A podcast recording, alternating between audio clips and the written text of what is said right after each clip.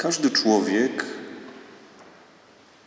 gdzieś w głębi serca i swojego wnętrza, sumienia wie, jaki powinien być.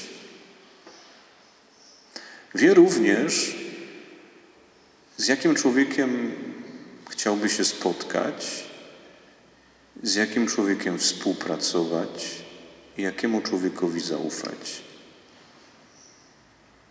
Dzielimy tę wiedzę, jakąś taką wlaną wręcz, ze wszystkimi ludźmi, nie tylko chrześcijanami, tylko każdym. Myślę, że z każdym człowiekiem można by na ten temat porozmawiać, że i dojść do wniosku wspólnego, że ja albo ktoś inny, komu chciałbym zaufać, powinien być człowiekiem, który nie jest egoistyczny, nie myśli o sobie, jest otwarty na innych, jest odpowiedzialny, punktualny, wykonuje swoje obowiązki, nie narzeka, cieszy się z tego, co zrobi, nie goni za pochwałami, cieszy się z, z sukcesów innych, pomaga im, widzi w nich dobro i chce to dobro pogłębiać, ale jednocześnie jest roztropny, uczciwy, sprawiedliwy,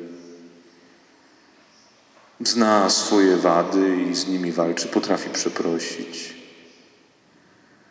Nigdy się nie zniechęca, zawsze dodaje sobie nadziei innym, bo w każdej przeciwności widzi gdzieś na dnie jakąś, jakieś ziarno czegoś, co go popycha mimo wszystko dalej. I mógłbym tak mówić, tak dalej, tak dalej, tak dalej. I to nie jest wcale obraz y, człowieka, który który jest tylko jakimś wzorem dla chrześcijanina. Tak naprawdę każdy człowiek o tym wie, że taki chciałby być i z takim człowiekiem chciałby się spotkać. I dzisiaj, dzisiaj Jezus właśnie mówi o tym, jak można takim człowiekiem być. Bo to On, jako Słowo Boże, jako Syn Boga, gdzieś w sercu każdego człowieka w momencie jego wręcz stworzenia w, wpisał to jakieś pragnienie, żeby być dobrym, szlachetnym, kochającym. Nawet jeśli ono jest gdzieś głęboko przy, mm, można powiedzieć, przywalone czy stłumione jakimś, jakimś rodzajem zła, czy, czy wad, czy grzechu, mm, który, który to jakoś tłumi, ale gdzieś to gdzieś wewnętrznie jest.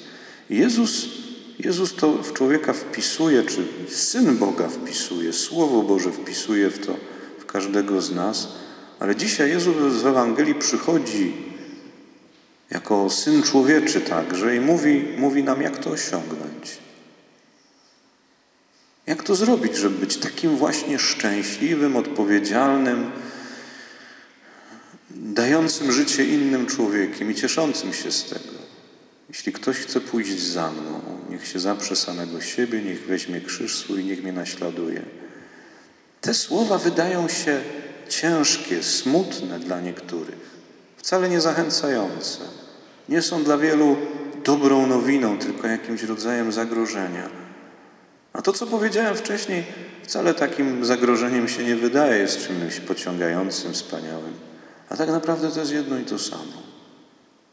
Tylko idąc za Chrystusem, i właśnie podejmując te wszystkie zadania, tą walkę ze sobą, z własnymi wadami, tą walkę o drugiego człowieka, o życie prawdziwe, właśnie idąc za nim i podejmując to i widząc gdzieś na dnie tych wszystkich zmagań, nawet jeśli po ludzku jest bardzo trudno, widząc to światło, a tym światłem dla chrześcijanina jest zmartwychwstanie, że Jezus przez ten krzyż przyszedł do zmartwychwstania. Właśnie to widząc, ja nie walczę o swoje życie, nie chcę go zachować tu na tym świecie, tylko tak naprawdę je oddaję, ale oddając tak naprawdę zyskuję. Ewangelia mówi o bardzo prostych ludzkich rzeczach, tylko Ewangelia rzuca na to nowe światło. Mówi, to nie jest tylko ideał nie do zrealizowania, tylko to jest coś, czego Bóg dla Ciebie chce, i dlatego przyszedł, umarł i zmartwychwstał, żeby się to mogło stać. A więc kiedy rozpoczyna się Wielki Post, to nie myślmy o, o tym ideale jako czymś nieosiągalnym, Ale patrząc na Jezusa, weźmy jakąś jedną, jeden mały element, jeden mały fragment z tego ideału, przyłóżmy do swojego życia i zapytajmy się siebie, gdzie Chrystus do mnie dzisiaj mówi: weź krzyż, weź krzyż. To może być minimalna rzecz. Zapytajmy się siebie, w czym denerwuję albo ranię tych, którzy są wokół mnie blisko. Kto na coś, czy ludzie na coś mi zwracali uwagę. Co będzie czymś takim, co się we mnie nie zmienia, a mogłoby się zmienić od dzisiaj, jeśli podejmę walkę. Tym trzeba pomyśleć, nie jako o ideale, jako o tym, co Chrystus przed nami stawia i mówi: weź to, a ja będę z Tobą i będę to niósł razem z Tobą, żebyś mógł zwyciężać. Amen.